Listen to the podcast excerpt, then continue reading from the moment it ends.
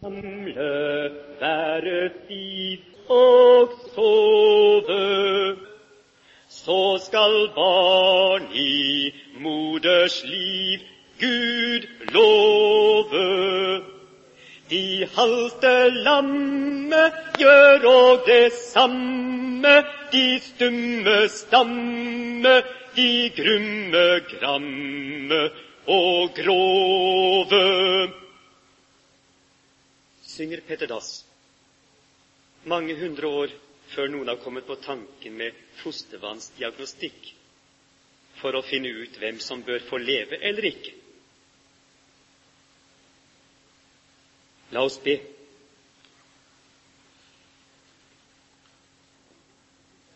Vi roper til deg, Gud Fader, i vår Herre Jesu Kristi navn og ber om at du må høre oss for Hans skyld. At du ikke må la vår synd stenge, men at du må åpne for Din hellige ånd og gi oss lys og liv, så vi kan kjempe mot den løgnen som holder på å drepe troen i oss, og som allerede dreper barna i mors liv. Vi ber deg mot løgneren og mot hans list, som forfører menneskene inn under dødens makt. Vi ber for livet, far. Det livet du gav oss da du skapte oss i ditt bilde det liv du har gitt oss ved troen i dåpens bad. Troens foster i vårt hjerte og menneskefostre under mors hjerte. Herre, hør vår bønn, og la oss ikke gå til grunne i hedenskapets mørke. Det ber vi i vår Herre Jesu Kristi navn. Amen.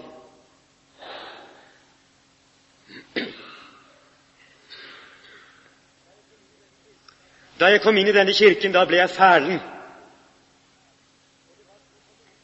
For det var som å komme inn i et antikt tempel, et romersk tempel, med tunge, mektige søyler og der fremme på alteret, der sto Jupiter selv, den høyeste Gud.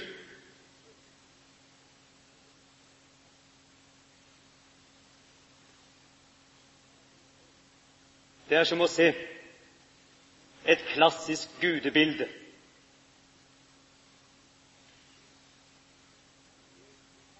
Men én ting mangler han, denne Jupiter denne mektige, sterke Gud. Han mangler sitt våpen. Han mangler tordenkilen, lynspydet. Og istedenfor så holder han kalken i sin hånd. Kalken.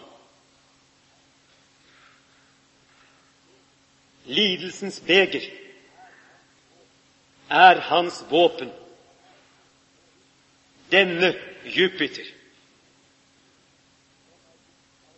som er gitt all makt i himmel og på jord. Han er det som har støtt de gamle guder fra deres trone. Messias, den levende Guds sønn, Immanuel, Gud med oss.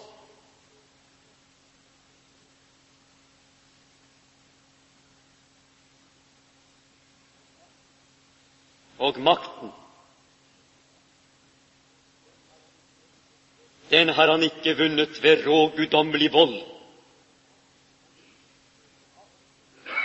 Men makten har han vunnet med dette våpen. Denne kalk er den nye pakt i mitt blod, som utgytes for eder til syndenes forlatelse.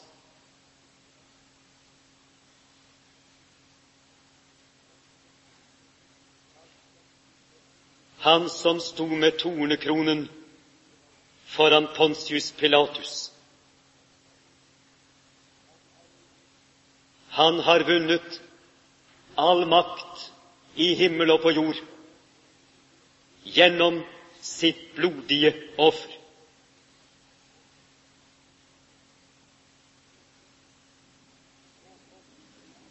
På korset, der var det denne Jupiter seiret over maktene og myndighetene idet han stilte dem åpenlyst til skue, avslørte dem gjennom sin lidelse og død, og rev fra dem deres makt, deres rett, på oss. Da han tok skyldbrevet, det som gikk oss imot, det som var skrevet med bud, og naglet det til korset.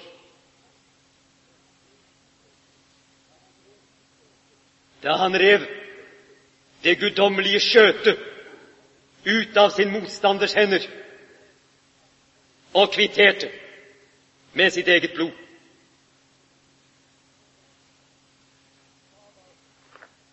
Da var det at denne verdens fyrst, denne verdens Gud, denne verdens Jupiter, ble styrtet fra sitt ståsted i himmelen.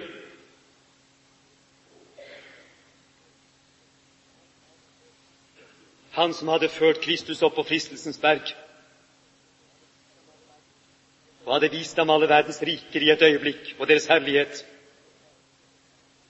og sa alt dette er meg overgitt, og jeg gir det til hvem jeg vil.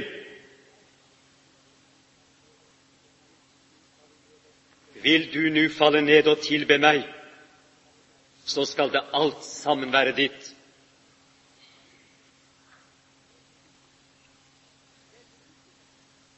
denne Jupiter, denne Satan, denne Diabolos, anklager, var det Kristus styrtet fra hans makt og velde da han døde, den fullkomne offerdød på Golgata.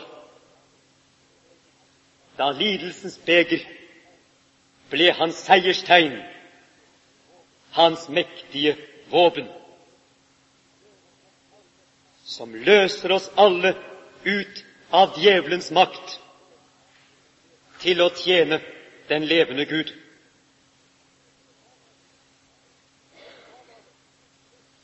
Da var det lovsangen løsnet i himmelen.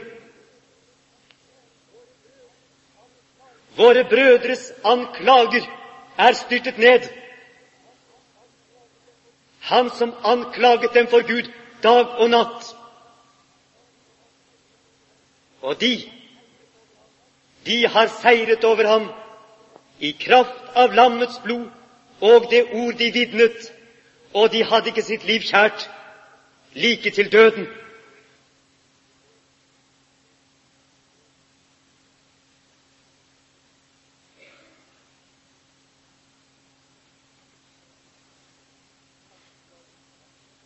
Anklagerens makt er brutt.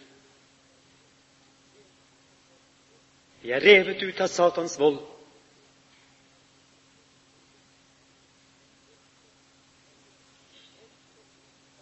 Vi er frelst og fridd ut av djevelens rike,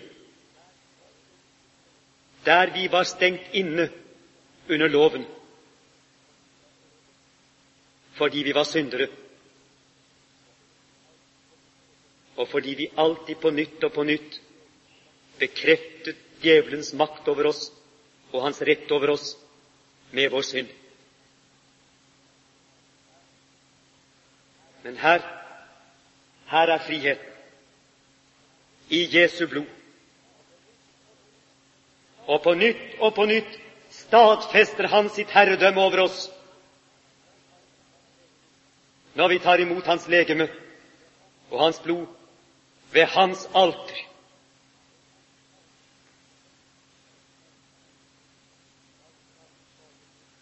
Han som av sin Fader er gitt det navn som er overalt navn.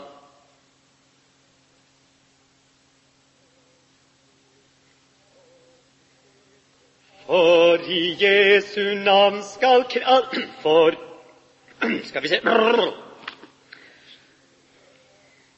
I det navn skal alle kne seg bøye, de som bor i himlene hin høye. Samt de på jorden i sør og Norden, samt djevlers orden, som dømt er vorden til møye.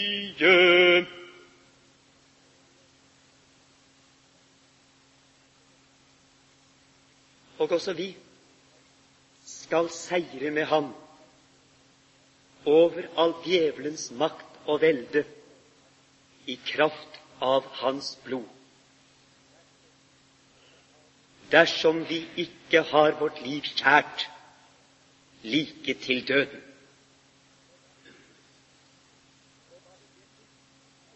Og hva vil det si? Å seire med Kristus. Å være denne konges seirende folk. Hvordan skal vi seire? som han, på den samme vei som han. Dertil er vi kalt fra vår dåp av.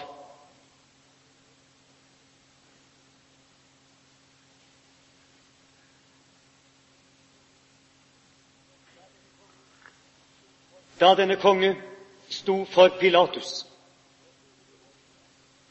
med tornekronen og purpurkappen og det brukne røret i hånden. Da så Pilatus visst på ham og sa, Så er du da konge. Og Jesus svarte og sa, Du sier det, jeg er konge. Jeg er dertil født og dertil kommet til verden, at jeg skal vitne for sannheten. Vær den som er av sannheten, hører min røst.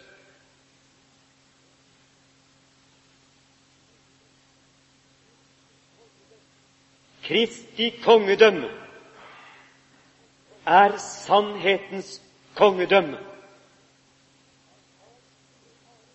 Han har ingen annen makt enn selve sannheten. Men der hvor denne sannhet slipper til i våre hjerter, der tvinger den oss i kne.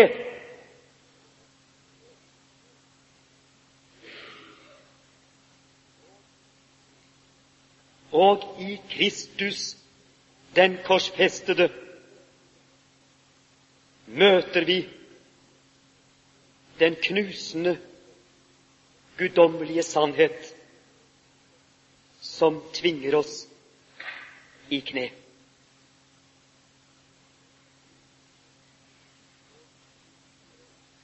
Og innvier oss gjennom omvendelsen til sannhetens tjeneste like til døden.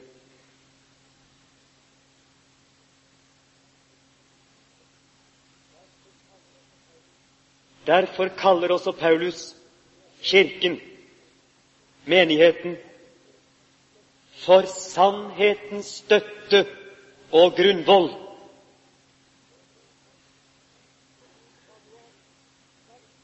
Fra nå av skal vi bekjenne med Kristus den sannhet som vi har sveket, den sannhet som vi har tråkket på, den sannhet som vi har forsøkt å lyve bort under djevelens velde.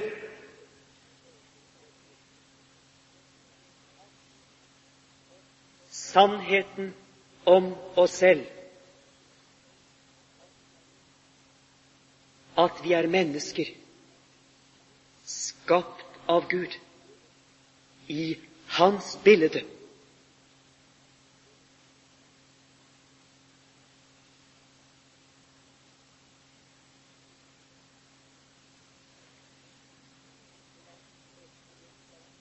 Pilatus pekte på Jesus der han sto og sa, Se mennesket!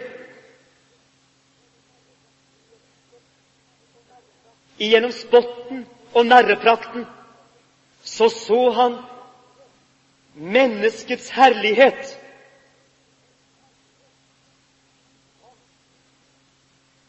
Vansiret, mishandlet, foraktet, spottet, knust.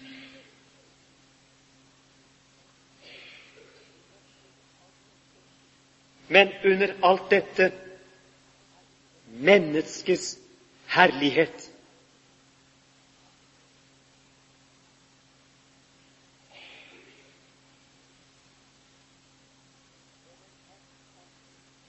Og når Han, sannhetens konge, kaller oss frem av mørket, så er det for at vi skal være mennesker med ham. Være Guds barn, det vi er skapt til å være.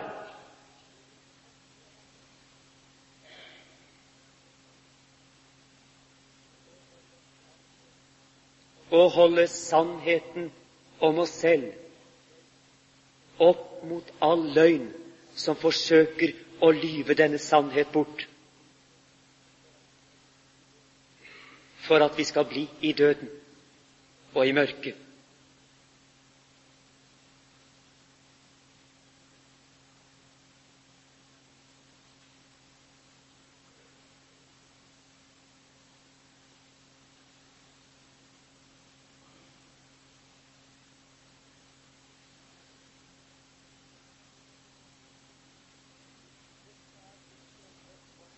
Dette er Guds menighet kalt til gjennom alle tider.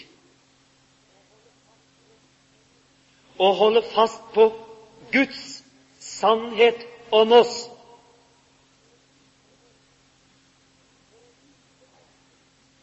For å rive menneskene ut av selvforakten.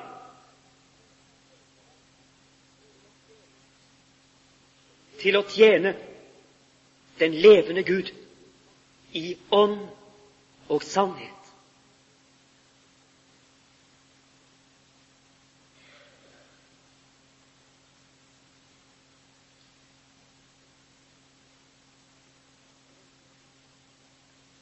Menneske, du er skapt av Gud. Menneske, du har et uendelig verd for Gud. Og dette verd er det du forsøker å flykte fra og lyve deg bort fra. Menneske, kom til deg selv.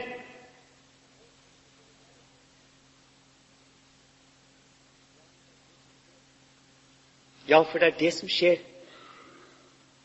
når et menneske kommer til Kristus.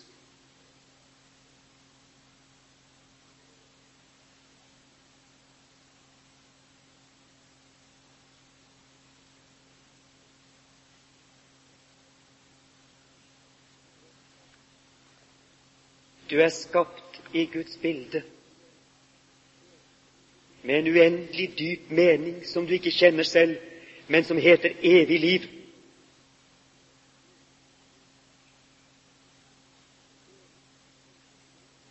en mening som hviler i det dypeste av Guds tanke. Akkurat du, den du er,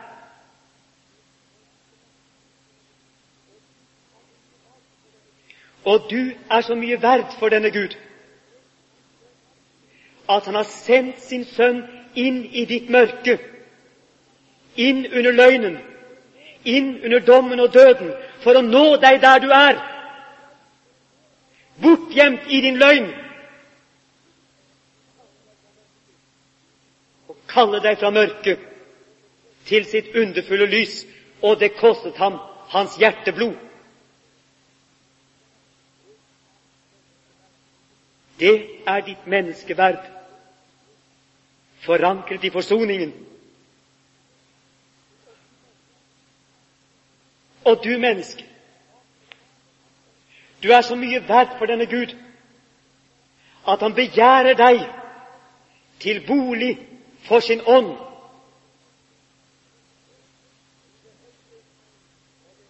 I det høye og det hellige bor jeg, sier Herren og hos den som har en sønderbrutt ånd og et sønderknust hjerte.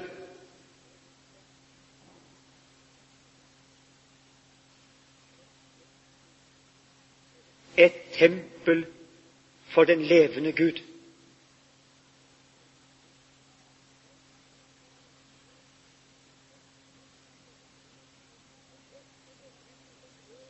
Og dette forkynnes som mål og mening for hvert eneste menneske. Fra mors liv av.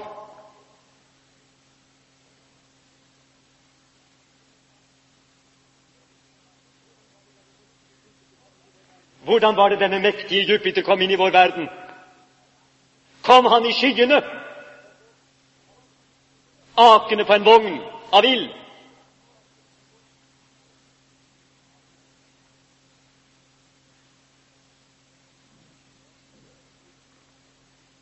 Men han kom så stille og så skjult og hemmelig at ingen kunne vite det. Han kom inn i din verden på samme vei og gjennom samme dør som du.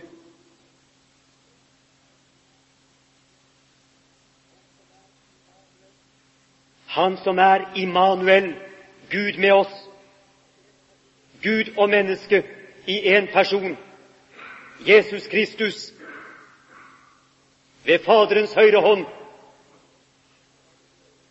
Han var allerede Immanuel, dypt der inne i mors livets mørke.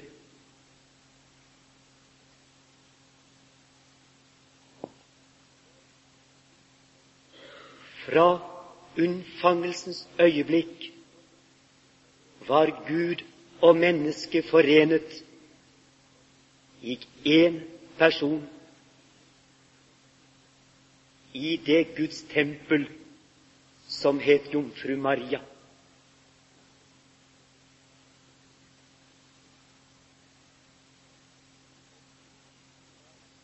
Slik har Gud Fader selv bekjent seg til fosterets menneskeverd.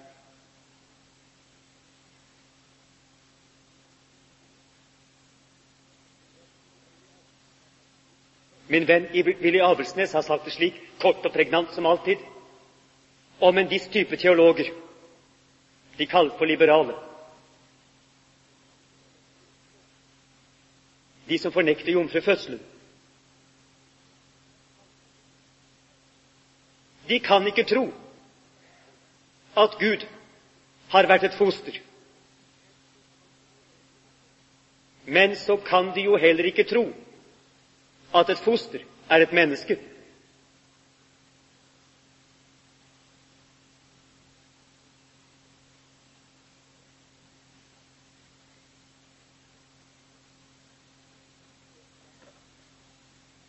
Og vi ser det svært ofte at den samme golde tanke som fornekter at Han som ble lik med oss i alle ting,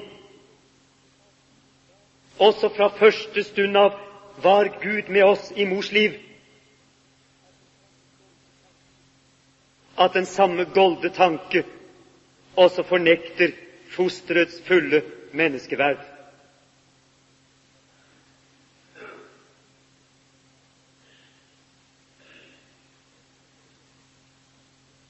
Nå skal vi ta og lese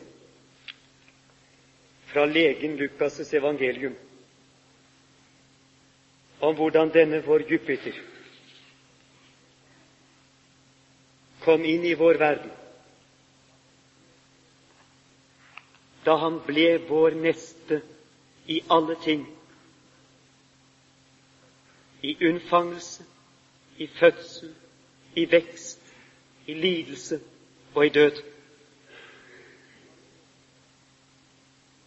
Allerede i mors liv var han min neste.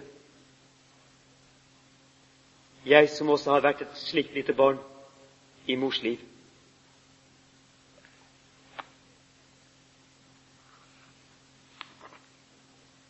Vi leser i det første kapittel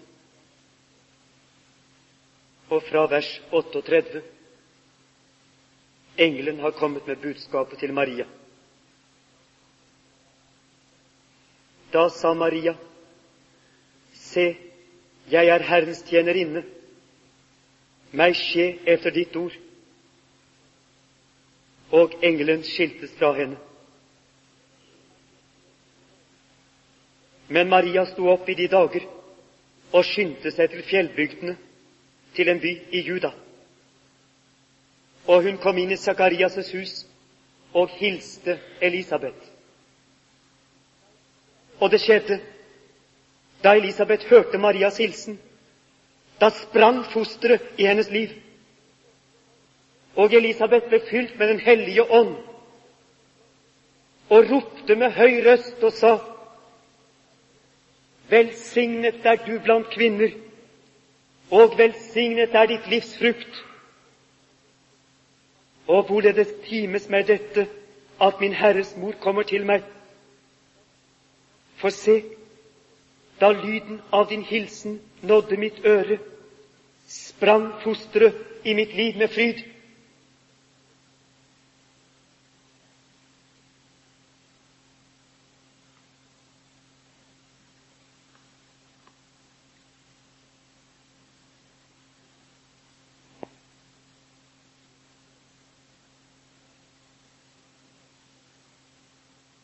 Ingen steder har Gud så klart bekjent seg til fosterets menneskeverd som nettopp i denne historien. Her møtes Messias og den profet som er utkåret til å være forløper for Messias. Her møtes de mens de begge ennå er inne i mors mage. Og allerede inni sin mors mage forkynner profeten at Herren er nær. Han kan ikke tale, men han vet det. Han spreller med armer og bein. Og mor forstår barnets språk. Hun hører det lydløse ordet og blir fylt med Den hellige ånd. For Ånden kommer med ordet når det blir tatt imot i tro. Og hun vitner det hun tror, på sitt barns vitnesbyrd. Velsignet er du blant kvinner, og velsignet er ditt livs frukt.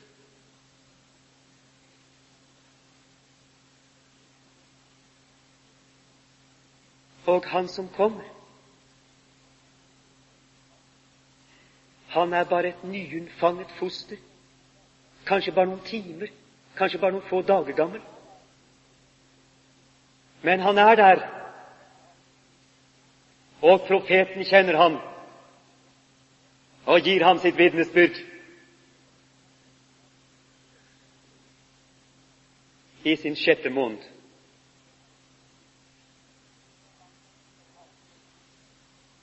Danser for Herrens åsyn, som David danset for arken.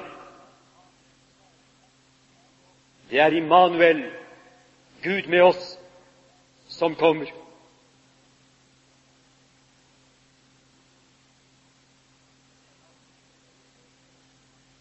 Det er Han som skal rive oss ut av løgn og død og føre oss tilbake til sin Fader og gi oss sin Hellige Ånd.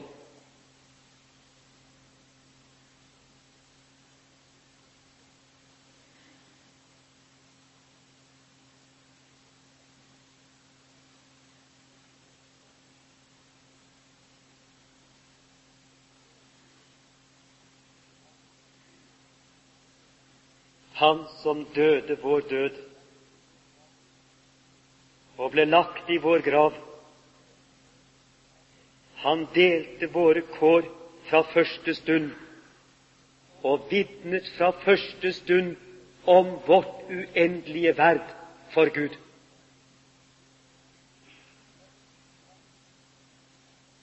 For det nyunnfangede foster ble han et nyunnfanget foster.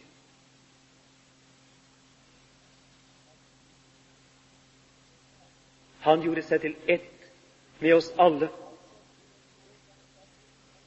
Han som en gang skal sitte på tronen på dommedag og samle alle folkeslag under sitt septer og felle denne dom. Det I har gjort imot en av disse mine minste, det har I gjort imot meg.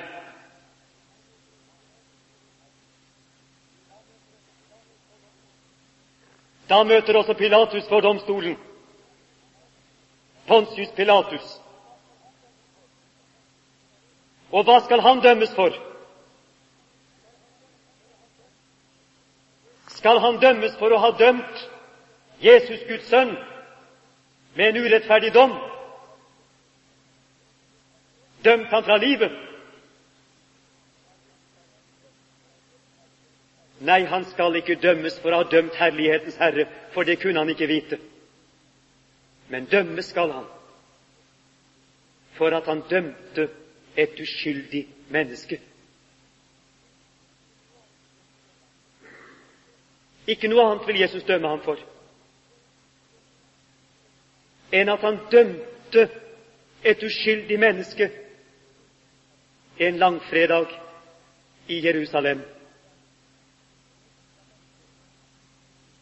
Det behøvde ikke ha vært Jesus, men det var altså Jesus. Men det han dømmes for, var at han dømte et menneske uskyldig.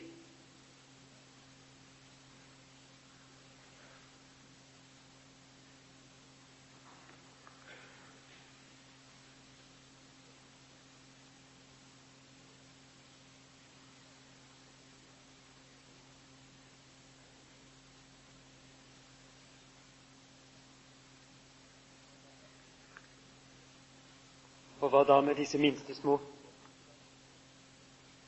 som de dømmer fra livet? Fordi vi har satt dem utenfor vår rettsbeskyttelse. Satt dem utenfor vårt rettssamfunn og utlevert dem til jungelens lov.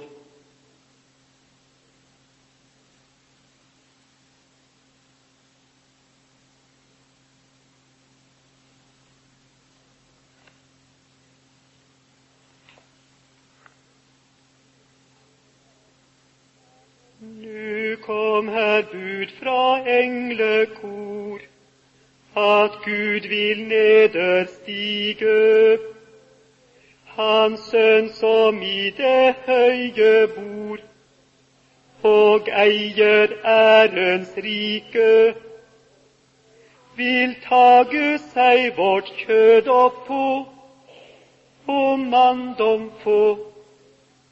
Det nytt er uten like. livsaligste blant kvinnekjønn, Gud vil deg høyt begave. Ti Guds enbårne kjære sønn vil våning i deg have. Og i ditt lives jomfruskrin et sted for sin unnfangelse vil lave. Guds kraft deg overskygge skal, ditt liv en sønn skal bære. Med guddomsfylde uten tall, han og ditt kjød skal ære. Ja, Jesus er hans søte navn, som i din favn skal født og fostret være. Det jomfruliv velsignet er med livsens rene drue. Guds sønn hun under hjertet bær, som hennes bryst skal sue. Der ligger Gud, et lite nord, og sakte gror. Det under er å skue. Der ligger Gud, et lite nord, og sakte gror.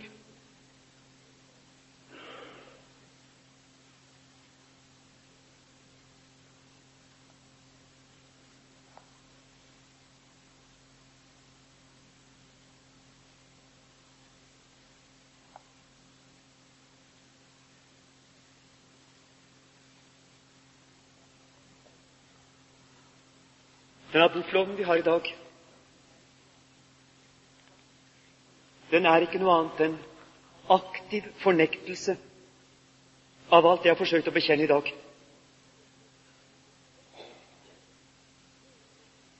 Den underkjenner hele vår kristne tro.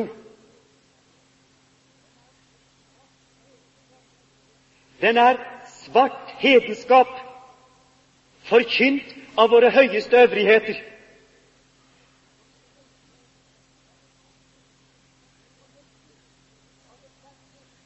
Den fornekter at ethvert menneske er skapt i Guds bilde.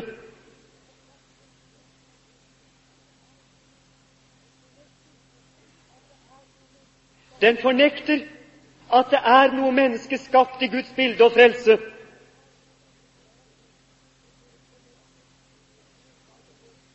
Den fornekter grunnlaget for at Guds sønn overhodet kunne bli menneske og at det var noe å forløse. Den gjør mennesket til et dyr. Og den gjør staten til Gud.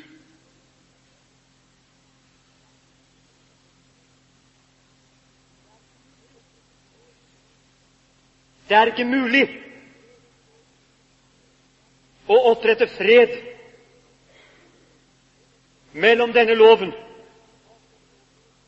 og det tankesett som ligger bak denne loven, og den kristne menighet. Den er en løgn som fornekter troens grunn,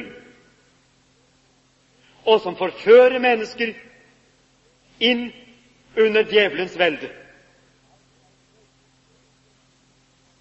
Han som er en løgner, og en manndraper fra begynnelsen av.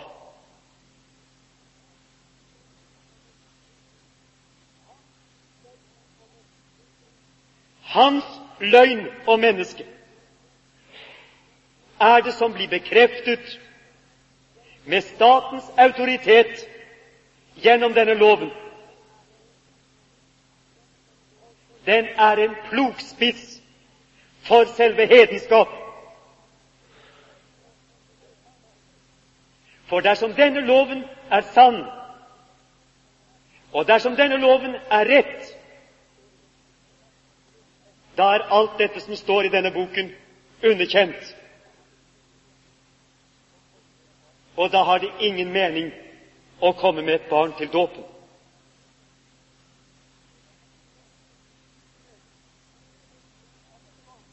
Hvis du mener at dette barn, som nå holdes frem i en hvit dåpskjole, like godt kunne vært tatt av dage før det var tolv uker gammelt i mors liv Hvis du mener det, da har det barnet ingenting der å gjøre. Da er botten gått ut av døpefonten. Det går ikke an å forene denne løgn og denne sannhet.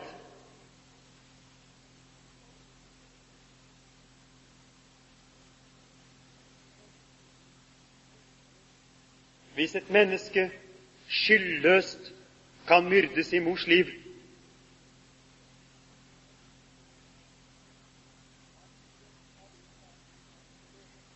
og allikevel av en eller annen grunn altså får leve,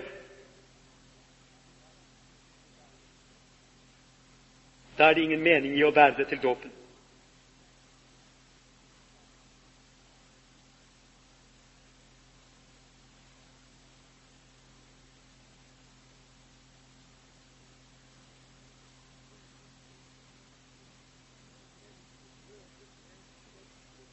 Når et menneske fødes med et stemple godkjent på sin panne, når det må hente sitt menneskeverd fra andre mennesker, når det henter sin menneskerett ikke fra Gud, men fra storting og styringsverk.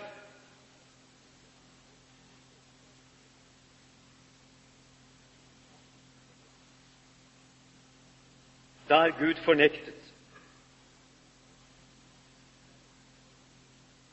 Og Guds bilde er tilsmørt. Og løyet bort.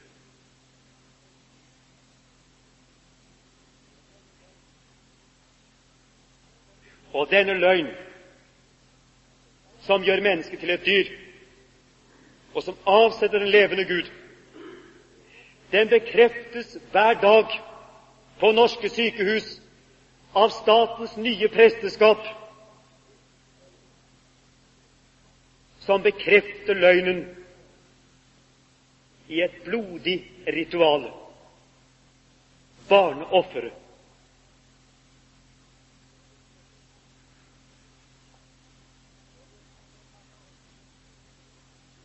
Og det som skjer her på alteret, når vår Herre og Mester og Frelser, Jesus Kristus, gir oss sitt eget legeme og blod, Han som en gang for alle ble ofret for våre synder, det som skjer her på alteret, det kan ikke forenes med det som skjer ved våre abortklinikker. Og disse to slags presteskap er dømt til evig fiendskap.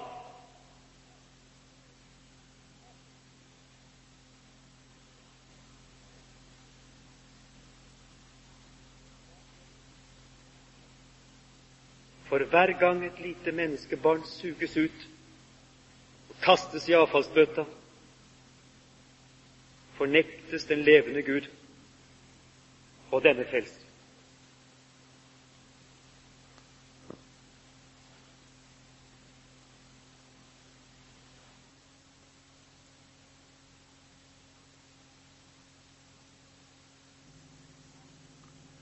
Her står åndskampen i dag.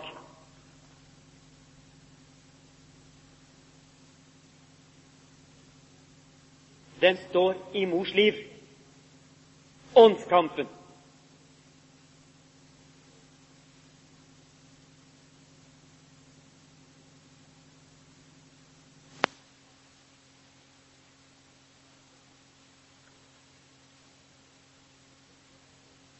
Jeg står her med et forholdsvis gammelt dokument foran meg.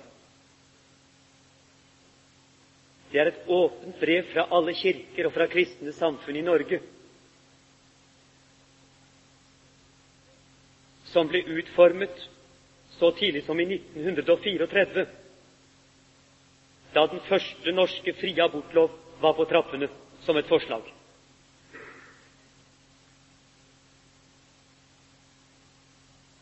Og dette brevet er stilet ganske enkelt til de kristne. Og det er undertegnet åndelige ledere fra alle de forskjellige kristne leire i vårt folk. Det er et økumenisk dokument. Ja, det er egentlig et historisk dokument. For det er første gang i Europas historie at bl.a. en luthersk og en katolsk biskop står som underskrivere under det samme læredokument, sammen med pinsevenner og baptister.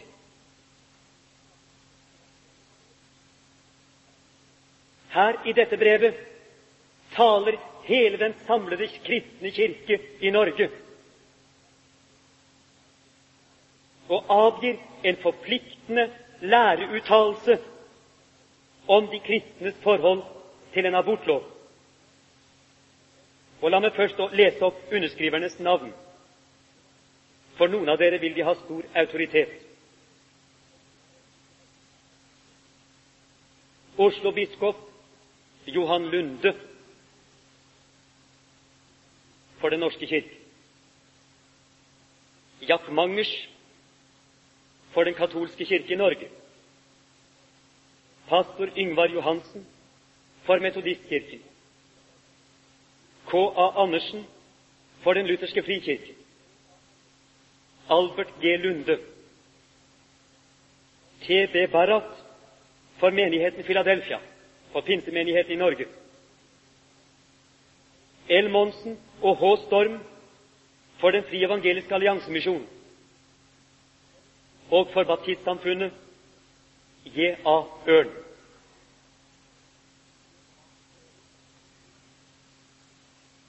Til de kristne. I denne tid gjør mange livssyn og oppfatninger som avviker fra Guds lov, seg sterkt gjeldende i vårt samfunn. En kristen må ikke la seg lede bort fra den sunne lære som er gitt oss i Guds ord. Med stor forførende makt kreves det nå nye bestemmelser som tar sikte på å gjøre fosterdrap lovlig. Blir disse bestemmelser vedtatt, svikter våre lover på dette punkt den kristne moral og innfører hedensk livssyn. Ingen kristen må la seg smitte av dette vesen, som vil føre til ulykke både for dette og det kommende liv. Ingen kristen må derfor gi samtykke til dette lovforslag. Ingen kristen må medvirke til fosterdrap eller ha befatning med det.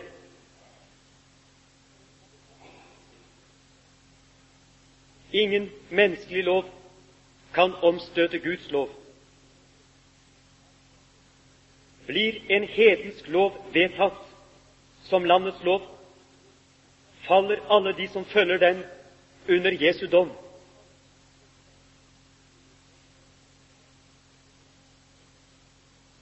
Og så etter noen ord om omsorg og forståelse for alle dem som har det vanskelig, så sier de til slutt den kvinne eller mann som bryter med det syn som her er fremholdt, vil uvegerlig falle under Guds dom ifølge Matteus 18, 18.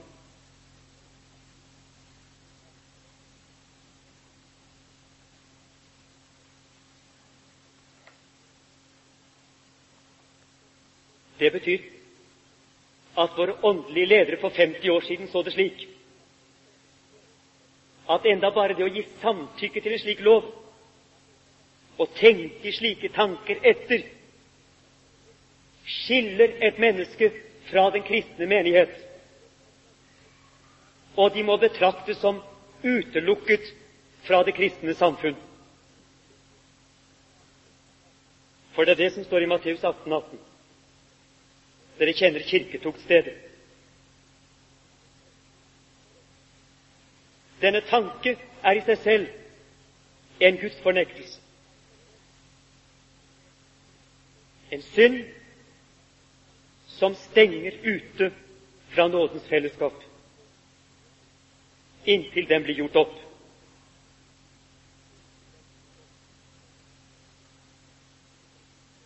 For det er en tanke som dreper. Det er en tanke som forfører. Det er en tanke som blir skyld i at små barn skapt av Gud må dø.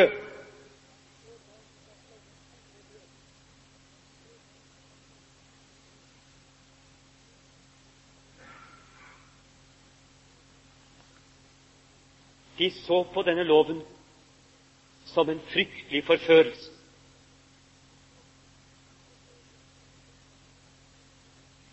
Dette skrivet det ble først offentliggjort i 1939, fordi at kristenfronten mot abortloven i 34 var så sterk at myndighetene trakk forslaget tilbake. Men i 39 var loven igjen på trappene, og da ble dette offentliggjort for fullt. Og Barrat skrev i Korsets seier hvis våre myndigheter ikke bøyer av i denne sak nå, så vil vårt folk bli besatt av en fremmed makt. Og så vidt jeg har kunnet bringe til underretning, så skulle denne loven vært oppe i aprildagene 1940. Men av gode grunner ble den ikke behandlet.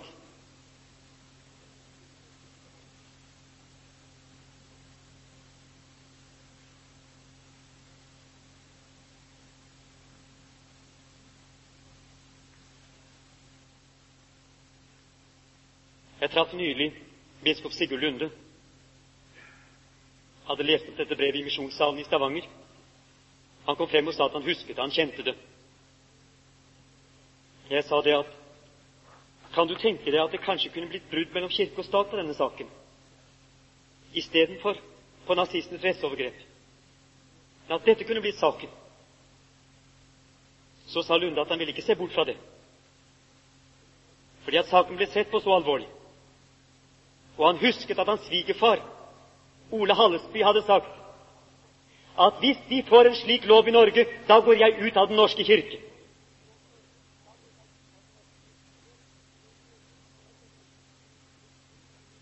Han mente det kan ikke stå i en statskirke som vil legitimere en slik lov.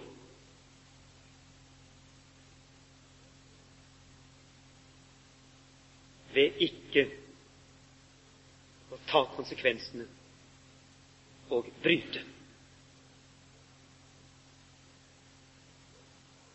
For hvem er det som fremmer denne forfølelsen i folket? Hvem er det som påbyr sitt helsevesen å myrde uten å spørre om grunn? Hvem er det som forkynner at dette er rett, og som forfører mennesker til å tro at dette er rett, at det ikke er så galt? Jo, det er vårt øverste kirkestyre.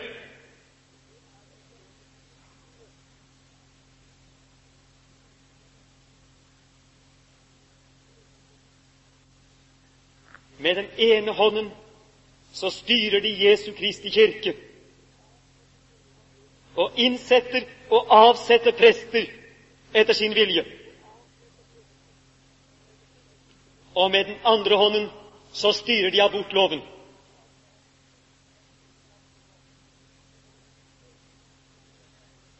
Og enhver lege som tar livet av et lite barn, handler på deres ansvar. Det er derfor de tør gjøre det. Jeg har spurt dem. De sier det er en skittjobb. Vær imot den loven. Det går ikke an. Så sier jeg, hvorfor gjør du det da? Fordi det er norsk lov. Jeg gjør det på ordre.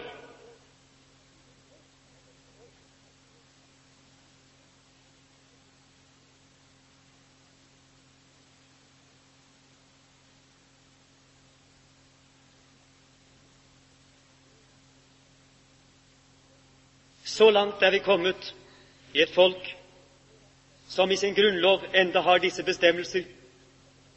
Paragraf 2. Den evangelisk-lutherske religion forblir statens offentlige religion.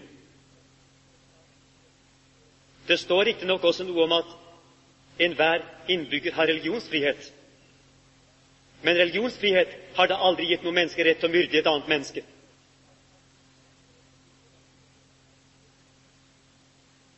Og i paragraf 4 kongen, og det vil si i vår nåværende situasjon kongen i statsråd, altså regjeringen, skal stedse bekjenne seg til den evangelisk-lutherske religion og håndheve og beskytte denne.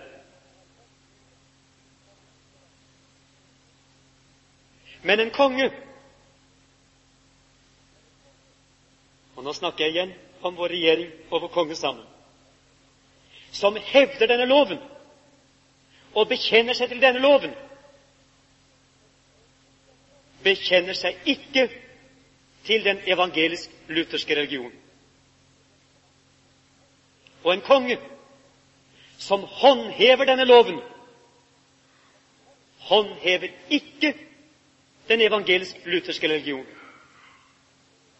Og en konge som ikke beskytter barn i mors liv,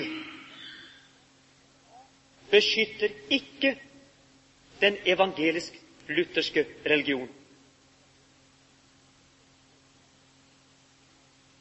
For så nær er den evangelisk-lutherske religion, den kristne kirke og barnet i mors liv knyttet sammen Kirken kan ikke svikte barnet uten å svikte seg selv og sin Herre og Mester.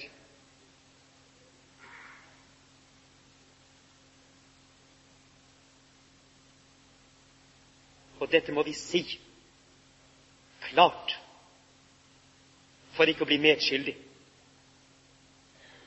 For de vil så gjerne at også abortloven skal være kristendom.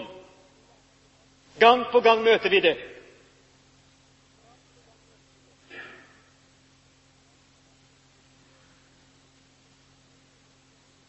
Og de kan ikke tåle å høre at de har frakjent seg selv kristennavnet ved å sette navnet under denne loven.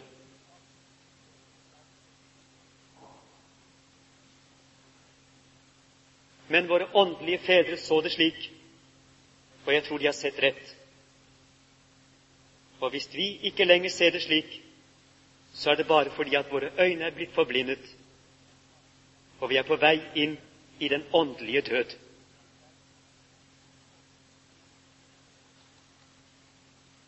Og hva skal vi da gjøre med vår synd?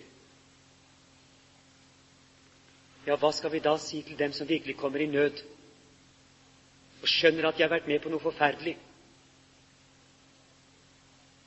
Når de ga seg i disse kirurgenes vold. Hva skal vi si til dem som går med et forferdelig tomrom under hjertet? Kjenner at samvittigheten skriker. Et lite barn som skulle ha vært født, skriker. Hva skal vi si til dem? Skal vi si det er ikke så farlig, du må bare glemme det? Alle gjør jo det. Skal vi ikke si jo, det er en synd? Og så forkynne syndenes forlatelse i Jesu navn.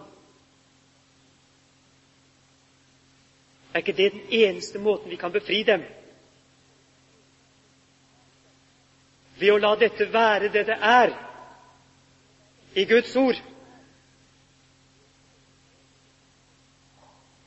Og forkynne et nytt liv inn i mørket og tomrommet i Jesu navn. Eller hva skal vi si til disse myndighetene? Skal vi la dem få lov til å ture frem i sin synd, i sin ulydighet mot Gud? Hvordan kan de da bli frelst?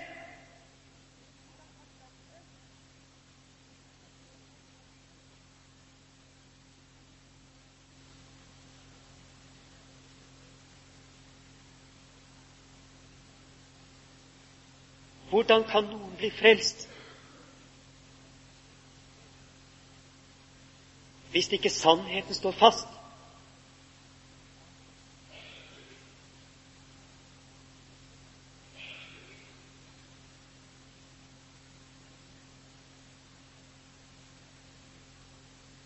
Hvis ikke Kirken fremdeles er sannhetens støtte og grunnvoll.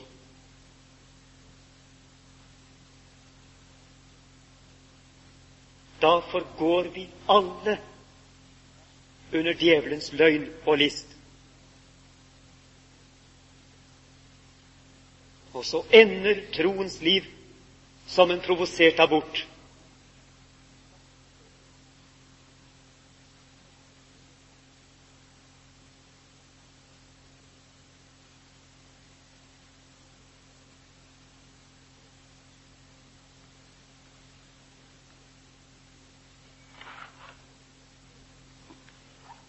Helt til slutt så vil jeg bare lese et bitte lite stykke fra en kirkefader som heter Atenagoras, som skrev et forsvar for de kristne omkring år 177 etter Kristus. Og det var stilet til keiser Marcus Aurelius, den store humanistkeiseren. Og der skriver Atenagoras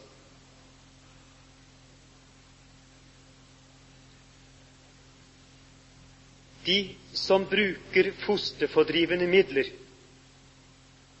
er mordere, er mordere som skal gjøre Gud regnskap for fosterfordrivelsen.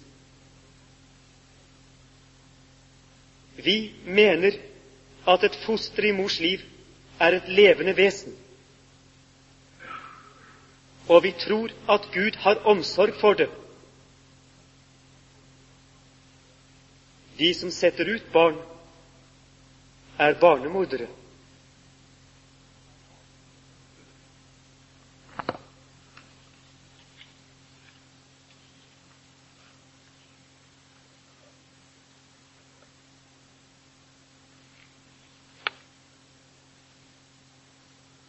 La oss be.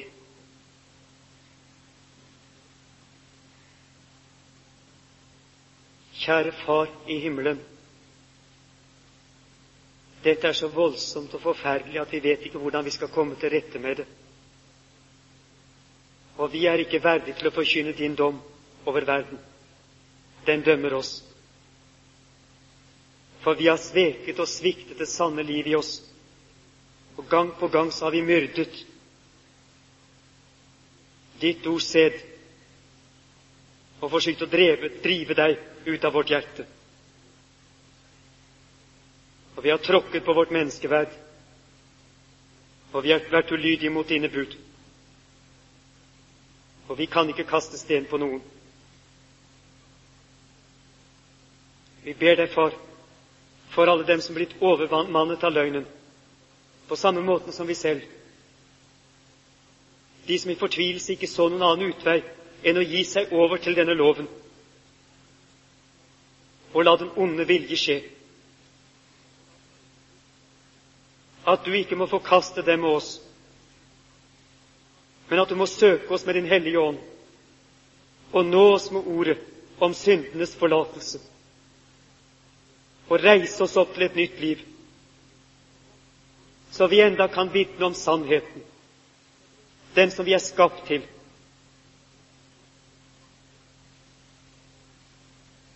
Vi ber deg for din kristne menighet i Norge at du igjen må gjøre den til lys og salt, og til en by på berget som ikke kan skjules. At vi kan vitne om Ham som er sannhetens konge, Immanuel, for alle denne verdens makter og myndigheter. Vitne for barn i mors liv før det er for sent.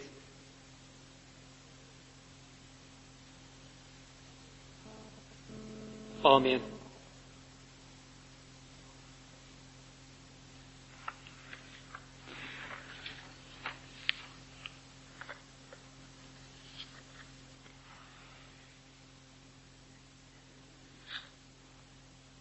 Det har vært mye snakk om salmesang og sånne ting, og jeg blir litt flau for det at det blir liksom så selvhøytidelig, det hele. Og det er ikke selvhøytidelig når et menneske egentlig begynner å synge, men det er tvert imot det er bare noe som kommer fordi du må gi uttrykk for noe. En tone som liksom springer frem i hjertet. Og en gang så så ble det en sånn sang om Kristus og hvordan han vant makten over oss. Vi som er hans mordere. Ja, for det er det som er sannheten om vårt liv. Som syndere så har vi myrdet Guds bilde i oss. Og djupest sett så var vi alle med på Golgata og drev ham i døden. Og det er denne sannheten som tvinger oss i kne under nådens konge. Vi må leve av Hans nåde, Han som i dobbel forstand var et offer for våre synder.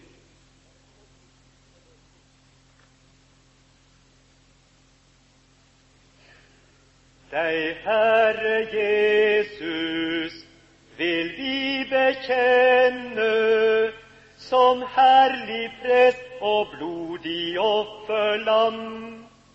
Deg, Herre Jesus, deg vil vi prise for det som er vår egen dype skam. Du gikk til grunne for våre hender. Vi dømte deg, og dette er vår dom. Men brødet brytes, og vinen skjenkes, og dine hender gjør vår gjerning om. I våre hender var kors og nagler, da dine hender løftet vin og brød da dine hender forvandlet drapet til offergave og til soningsdød. Du tolket korset, du tydet døden, du gjorde pinen til din kongevei. For da du viet deg selv til offer, da måtte våre hender tjene deg. Og som du gav deg i våre hender, da de i tross fullbyrdet dine ord. Slik har du gitt deg i våre hender som vin og brød på dette offerbord. Deg, Herre Jesus, vil vi bekjenne som blodig lam og herlig offerprest. Vi bryter brødet, vi skjenker vinen. Vår dype skam er blitt vår høye fest.